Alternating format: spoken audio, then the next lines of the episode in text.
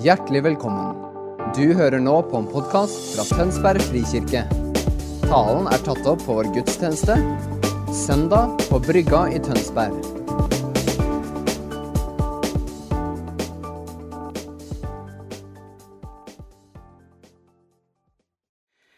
Og vi har fått et tema Vi tror på Den hellige ånd som sender oss ut. Og vi har en prekentekst som vi i hvert fall skal begynne i, så får vi se hvor vi lander. Eh, Johannes 20, fra vers 21 og 22. Igjen sa Jesus til dem, Fred være med dere. Som Far har sendt meg, sender jeg dere. Så åndet han på dem og sa, Ta imot Den hellige ånd. Og For å liksom plassere disse to ganske korte versene og, og, tre setningene inn i sammenhengen, så er liksom hele kapittel 20 er jo kapitlet om oppstandelsen. Maria Magdalena har gått til den tomme graven og finner ikke Jesus. Og forteller det til eh, Peter og den disippelen som Jesus hadde kjær, som er et av favorittuttrykkene i Bibelen. må jeg innrømme. Og de løper til graven. Og det er jo fascinerende når man liksom leser Bibelen og man hører konkurranseinstinktet. Ikke sant? Eh, for, for, den ene løper fortest. Men det er Peter som går først inn. Og så finner de graven tom. Jeg tenker forvirringen er komplett. Og så leser vi videre om Maria Magdalena som møter den oppstandende Kristus uten å kjenne, henne, eh, kjenne ham igjen som spør hvor Jesus er. Og så sier han navnet hennes. Maria. Og så er det nok. Og så gjenkjenner, henne, gjenkjenner hun at dette, dette er mesteren. Dette er Jesus. Han har stått opp. Så forteller hun det til de andre, som ikke vet hva de skal tro. Og så er det senere samme kveld at Jesus står midt iblant dem og hilser dem fred være med dere. Og Så viser han dem hendene og siden sin viser fram sårmerkene. Og så gjentar Jesus fred være med dere. Og Det er en så gjenkjennelig hilsen i Det nye testamentet. At når Gud besøker oss, når Gud kommer helt nær, så er det med fred. Enten 'vær fred være med dere', eller 'vær ikke redd', eller 'frykt ikke'. For dette er jo et overveldende møte for disiplene. Vi har fulgt igjennom evangeliene fram til denne dagen. Som på et vis, Den begynner på liksom det laveste punktet hvor de kan komme. Gjennom historien så har det vekslet for dem mellom høyder og daler. Det har vekslet i hvilken grad de har forstått, hvilken grad de har sett, hvilken grad de har hatt åpenbaring om hvem Jesus egentlig er. Enkelte dager er de på høyden som når Peter bekjemmer du er Guds sønn. Den salvede. Til 'dette må ikke skje deg', og Jesus sier 'vik bak meg, Satan'. Det er kjempespenn. til fiskefangsten, til brødunderne. Jeg har alltid lurt på det der med det brødunderet. For når du får liksom to fisk og fem brød, og så har du tolv disipler som skal dele ut, og Jesus ber Så tenker jeg det ble jo ikke en sånn eksplosjon av brød og fisk. Så jeg bare ser for meg at Jesus deler opp de der fem brødene, og så er det ti stykker som får brød, og så er det to som får fisk. Og så begynner de å dele ut. Og jeg bare ser for meg han første. Den biten brød han får, den er ikke så stor. For denne lille brødbiten den skal vare til disse 5000 menneskene. Ja. Som brekker av en liten bit og deler ut. Og neste og neste og brødbiten er den samme. Jeg ser for meg at bitene blir større etter hvert som man ser at dette bærer. Her er det tro. Her, er det, her skjer det mellom hendene på meg. Det er ikke liksom den eksplosjonen som gjør at vi kan bare marsjere ut i tro, men idet vi handler, så skjer det mellom hendene våre. Og Så sitter disiplen her denne morgenkvisten. Utpå kvelden har det blitt noe med alle disse spørsmålene. Hva er det de har sagt? Stemmer det? Har Jesus stått opp? Maria sier hun har møtt ham. Kan vi tro det? Sitt mest traumatiske døgn. De har de bak seg, og de er midt oppi de. De har sett vennen sin, læreren sin, bli tatt til fange, forhørt og torturert. De har sett han de har satt sitt håp til, bli korsfestet. Og midt i sjokket, midt i dette traumet, så kommer Jesus til dem igjen og sier, 'Fred være med dere'. Han som er fred.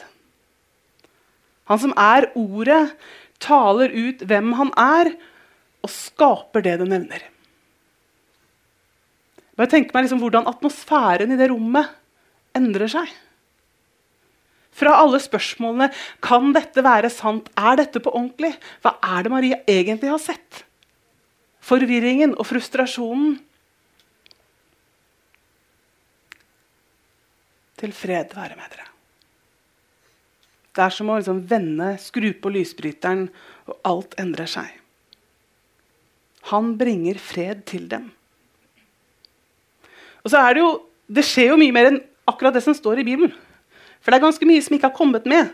Eh, og jeg tenker at, dette har jeg sagt noen ganger før, at hvis, hvis en dame hadde skrevet Bibelen, så hadde det vært noen flere detaljer.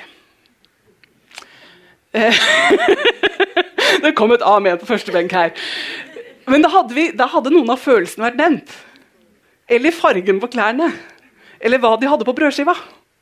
Jeg husker min bestemor hver gang hun hadde vært et sted.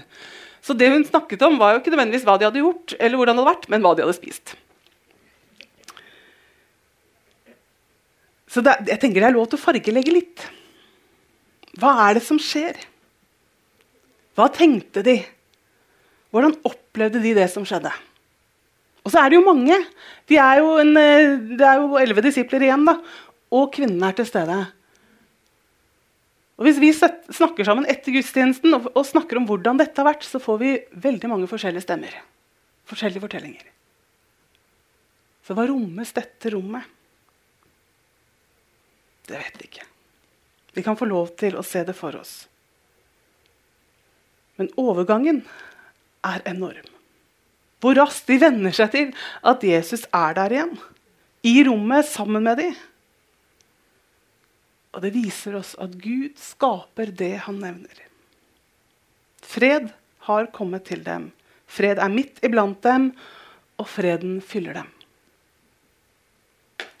Og Så fortsetter Jesus. Som far har sendt meg, sender jeg dere. Og Vi vet at det kallet ikke bare gjelder de første disiplene, men det gjelder oss alle som følger han, og som tror han. Vi er sendt på samme måte som Jesus er sendt. Og hvordan er han sendt? Noe av det første som skjer når Jesus starter sin tjeneste, er at han blir døpt. Før han har gjort noe som helst, så døpes han. Og Gud, Jesus er jo en del av treenigheten. Far, Sønn og Helligånd er til stede i Jesu dåp. Den hellige ånd viser seg som en due over ham, og Guds fars stemme lyder. Dette er min sønn, som jeg elsker, som jeg har min glede i. Hør ham. I dette så sendes Jesus ut. Og Jesus' sendelse er en fellesskapsbeslutning i treenigheten. Det er ikke sånn at Gud har sittet litt sånn på kontoret på avstand, observert hvordan det sto til i verden, og tenkt nå må vi gjøre noe. Vi får sende Jesus. Det er hele treenigheten som hele veien har som plan at vi skal være ett i, i, i menigheten med Kristus, med Den hellige ånd, med Far. Vi skal være ett. Og syndefallet kom ikke som noen stor overraskelse på Gud. Så plan A var allerede lagt Før verdens grunnvoll ble lagt, sier Paulus, kjente han oss, kalte han oss. Vi er fortsatt på plan A. I Jesaja 6 kan vi høre et slags ekko av en samtale som har foregått i treenigheten. Hvem skal vi sende? Hvem vil gå for oss? Jeg kan liksom se for meg Far, Sønn og Helligånd ha denne samtalen. Før verdens grunnvoll ble lagt, hvordan skal vi løse dette? Hvordan skal vi møte de barna våre som kommer bort fra oss? Og så må vi alltid huske på at hvis Gud stiller et spørsmål, så vet han svaret.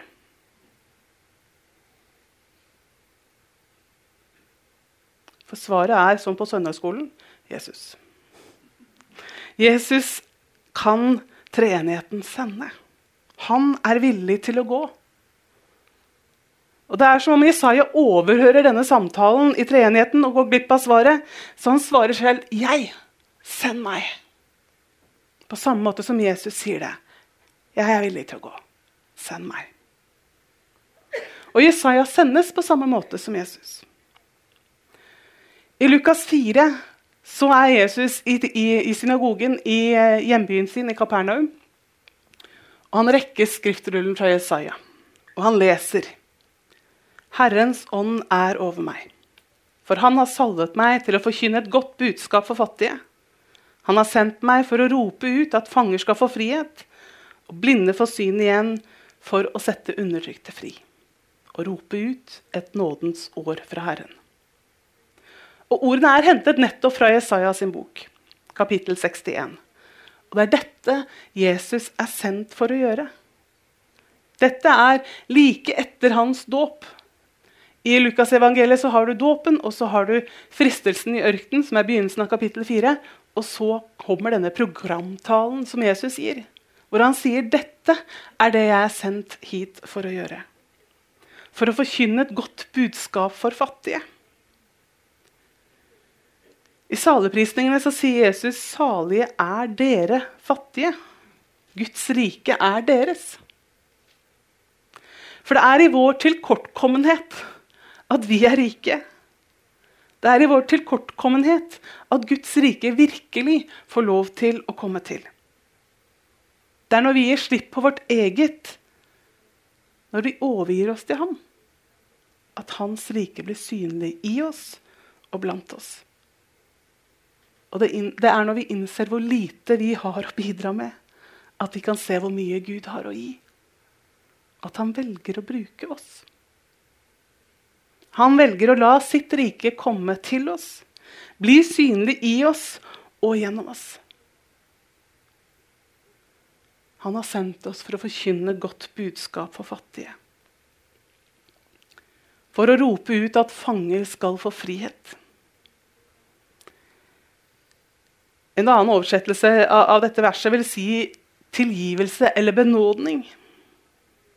Og vi vet at synden binder oss. Og vi kan bindes av synd på ulike måter. Vi kan bindes av den synden vi selv gjør. Men vi bindes også av den synden som gjøres mot oss. Det har en voldsom kraft. Det binder oss og holder oss i fangenskap.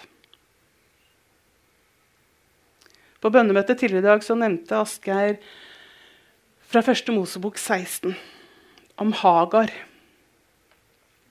slavekvinnen til Sarai som uten selv å ville det har blitt mor til sønnen til Abraham, Ishmael. Og så oppstår det rivaleri Er det, det heter? er det noe som heter det? Eh, fiendskap, i hvert fall. Mellom Sara og Hagar, og Hagar rømmer.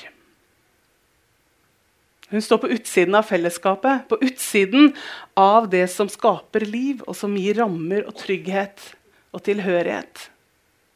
Ut i ødemarken og så møtes hun av Gud som ser henne. En Gud som møter henne med kjærlighet, som gjør det mulig for henne å tilgi og finne tilbake til fellesskapet. Tilgivelse og benådning er god oversettelse i dette verset. For tilgivelsen er en frigivende kraft. Om det er vi som bekjenner våre egne synder, eller om det er vi som gir tilgivelse. Gjennom dette, begge veier, så settes hjertet vårt fri.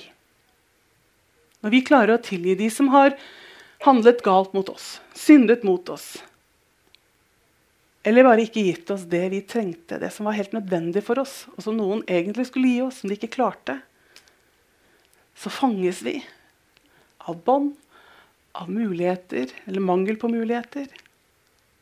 Men tilgivelsen setter hjertet vårt i frihet. Det er ikke alltid vi skal eller vil eller det er riktig å reparere relasjonene. Men å sette hjertet vårt i frihet, det tror jeg er Guds vilje for oss. Det betyr ikke alltid at vi skal inn i relasjonen til overgriperen igjen. Men å få lov til å sette hjertet vårt fri. I Jesaja er ordene formulert annerledes. Der står det 'å forbinde dem som har et knust hjerte'. Det er en veldig billedlig beskrivelse av hva det er å leve med konsekvensene av synd. Et knust hjerte.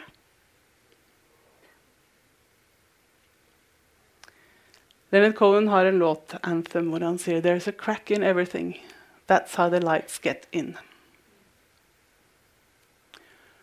Og Jeg tror det er mye sant i det. Men det hører hjemme sammen med Paulus sine ord om at vi har skatten i leirkar. Og det er der, på den måten at lyset kommer ut.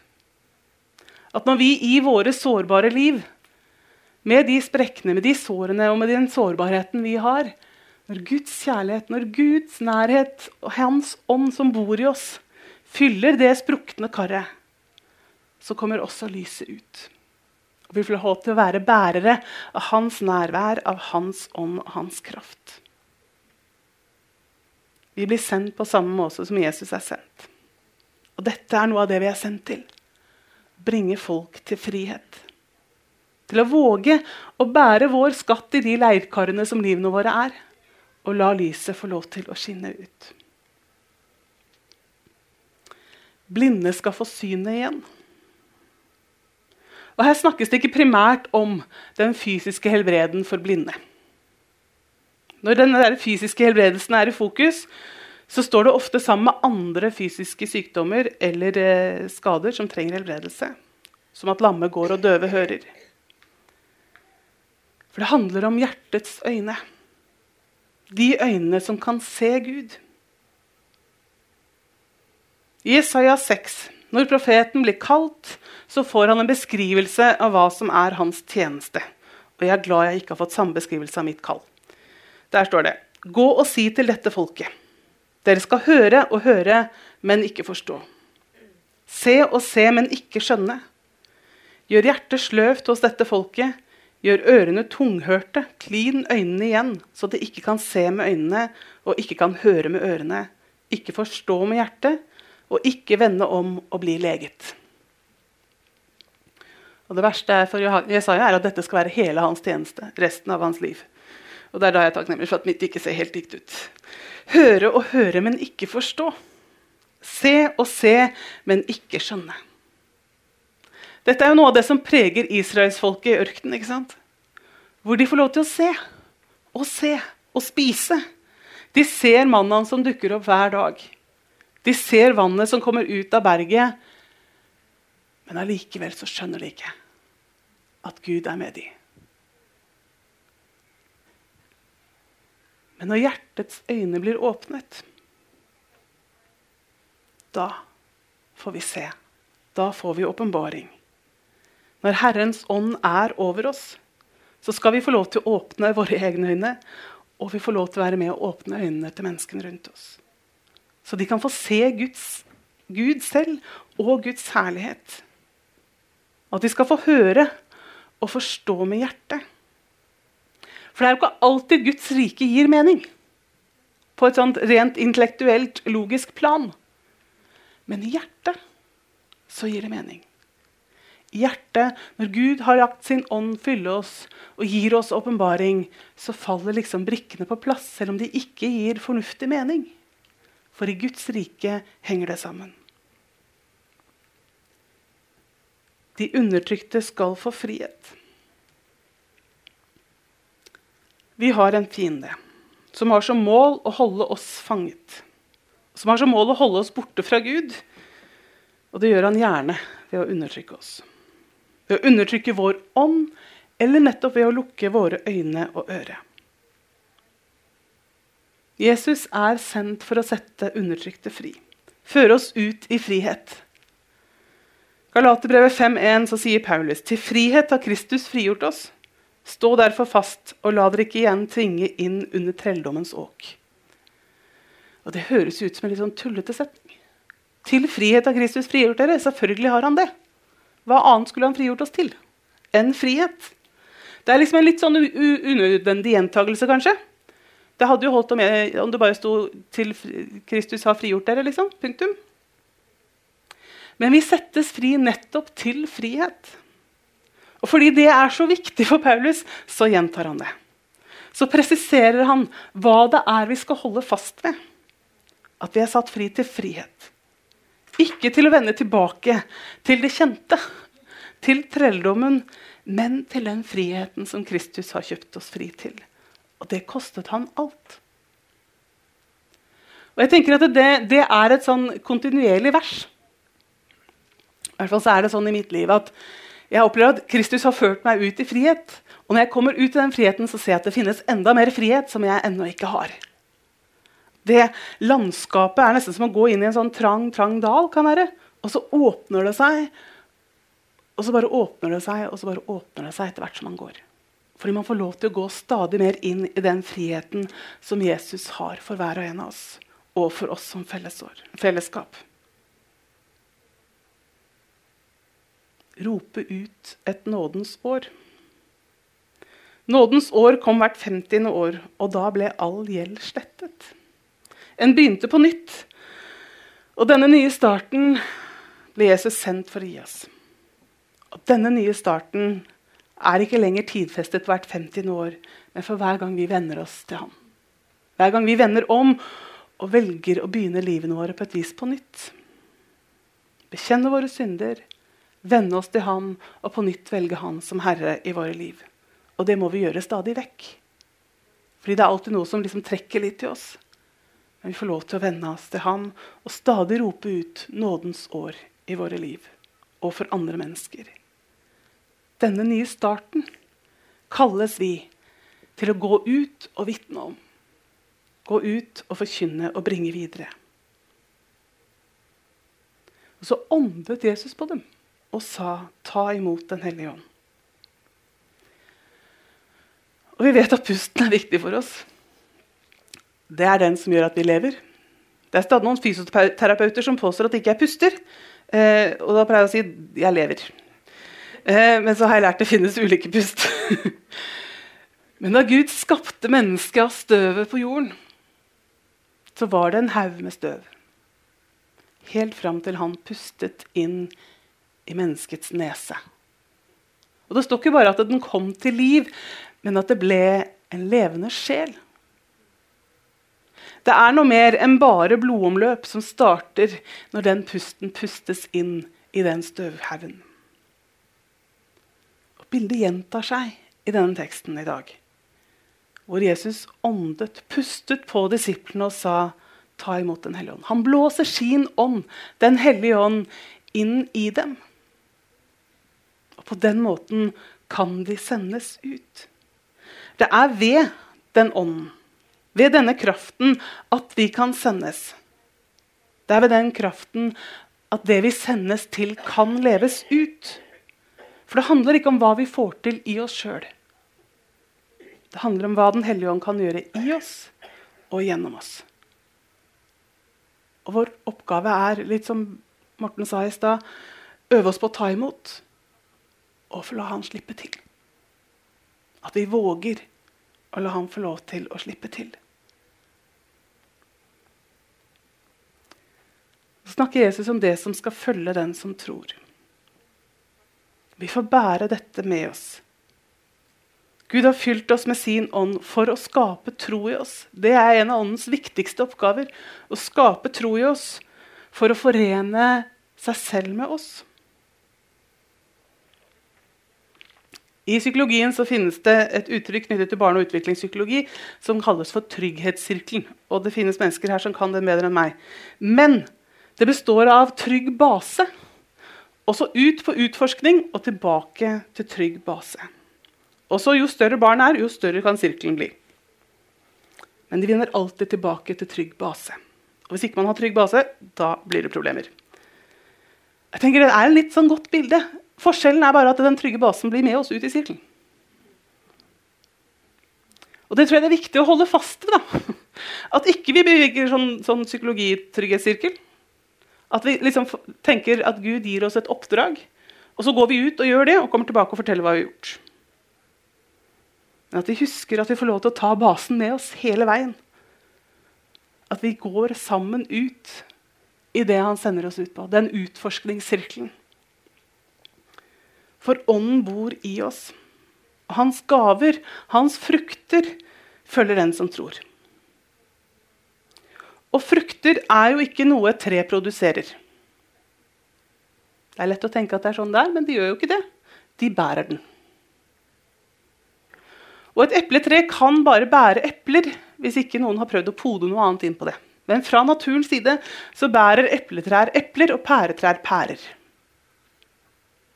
Så sant de har røttene i jorda og får næring og er koblet på en slags kilde. For vann og næringsstoffer som de trenger. Og livene våre er på samme måten. At vi bærer åndens frukter. Vi produserer den ikke, vi bærer den. Fordi vi er koblet på kilden. Vi er koblet på Den hellige ånd. Den hellige ånd bor i oss, og vi står plantet i ordet og fellesskapet. Med hverandre, men mest av alt med Gud. Og da bærer vi frukt, dere. Da produserer vi ikke frukt, men vi bærer frukt. Og så får vi lov til å dele det med de som er rundt oss.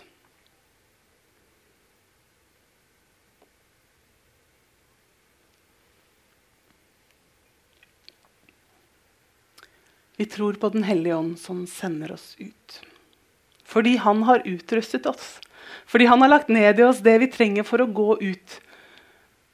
Fordi han går sammen med oss. Fordi vi vet hvor vi hører hjemme.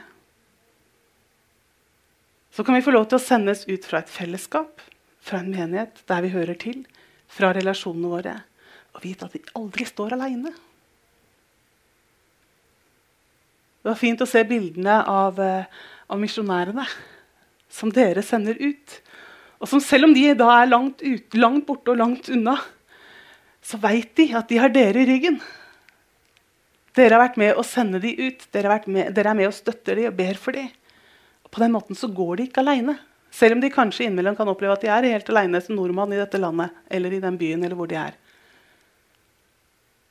Men vi sendes ut fra Gud og vi sendes ut fra fellesskapet vårt.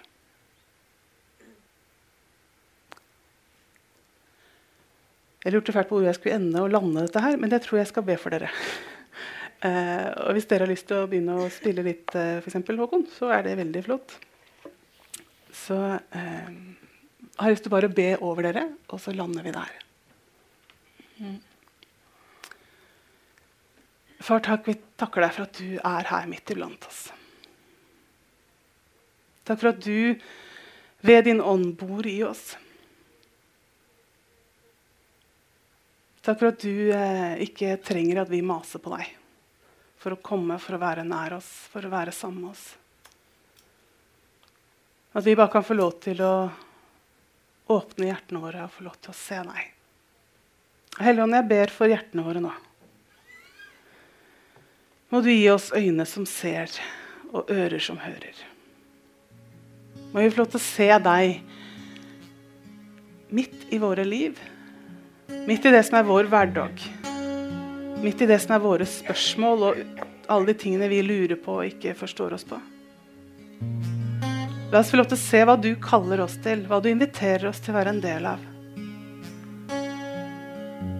Helland, så ber jeg om at du hjelper oss å skjelne hva det er du inviterer oss til å gjøre, og hva det er du inviterer oss til å bare være med og velsigne. Takk for at du ikke kaller oss til å gjøre alt. Du har noe for hver og en av oss. At vi kan få lov til å heie og velsigne det de andre står i, når ikke du har kalt oss til å være en del av det. La oss få lov til å være heiagjeng for hverandre, Jesus.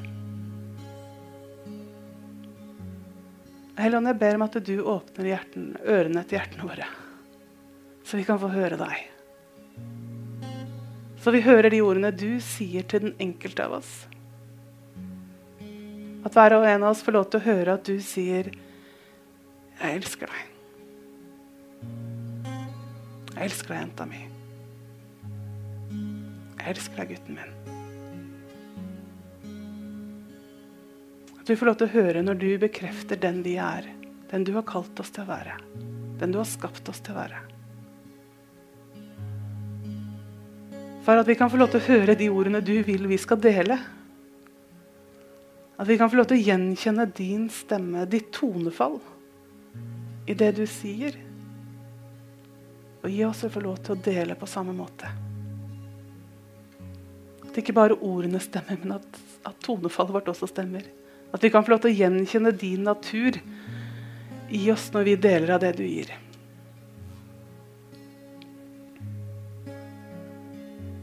Og Helligånd, så ber jeg om at du fordi det måtte gjelde, fyller hjertet deres på en helt spesiell, utvalgt måte nå.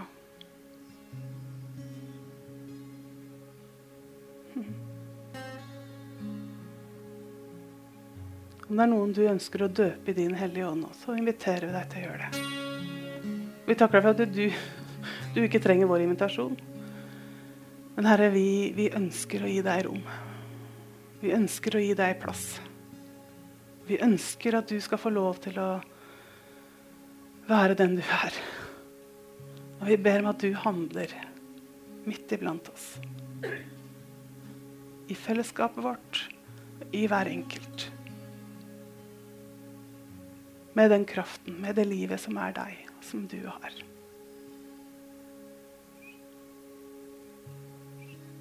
Mm.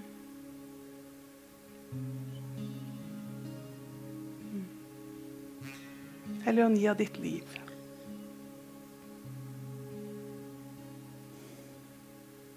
Far, kom til de blant oss som trenger din trøst. Som trenger din oppmuntring, din omsorg. Kom og stell med hjertene våre.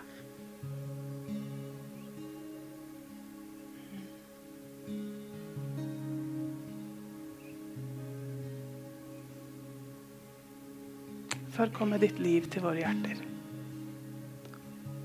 Tenn ditt lys i hjertet vårt.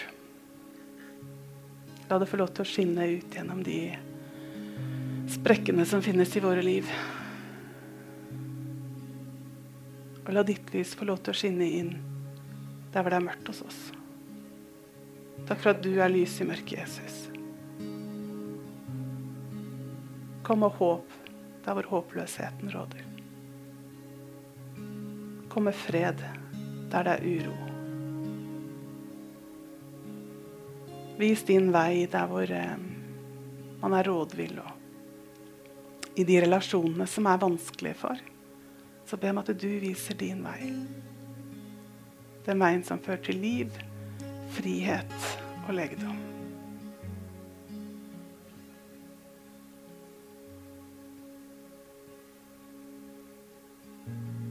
Helligånd, så ber jeg om at du gjør det tydelig om det er noen du i dag har et spesielt kall for. Om det er kall til tjeneste, om det er kall til en spesiell samtale, om det er kall i et valg, eller hva det er, far, så ber jeg om at du kommer med din tydelighet og din klarhet. For du kaller, og du sender oss ut.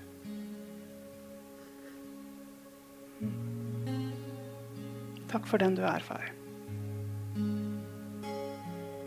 Takk for at du omslutter hver og en av oss med din kjærlighet.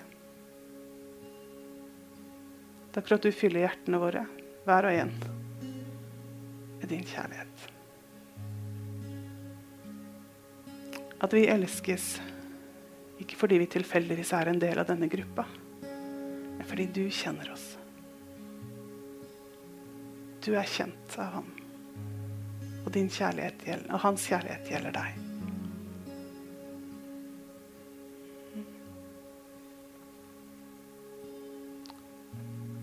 Amen.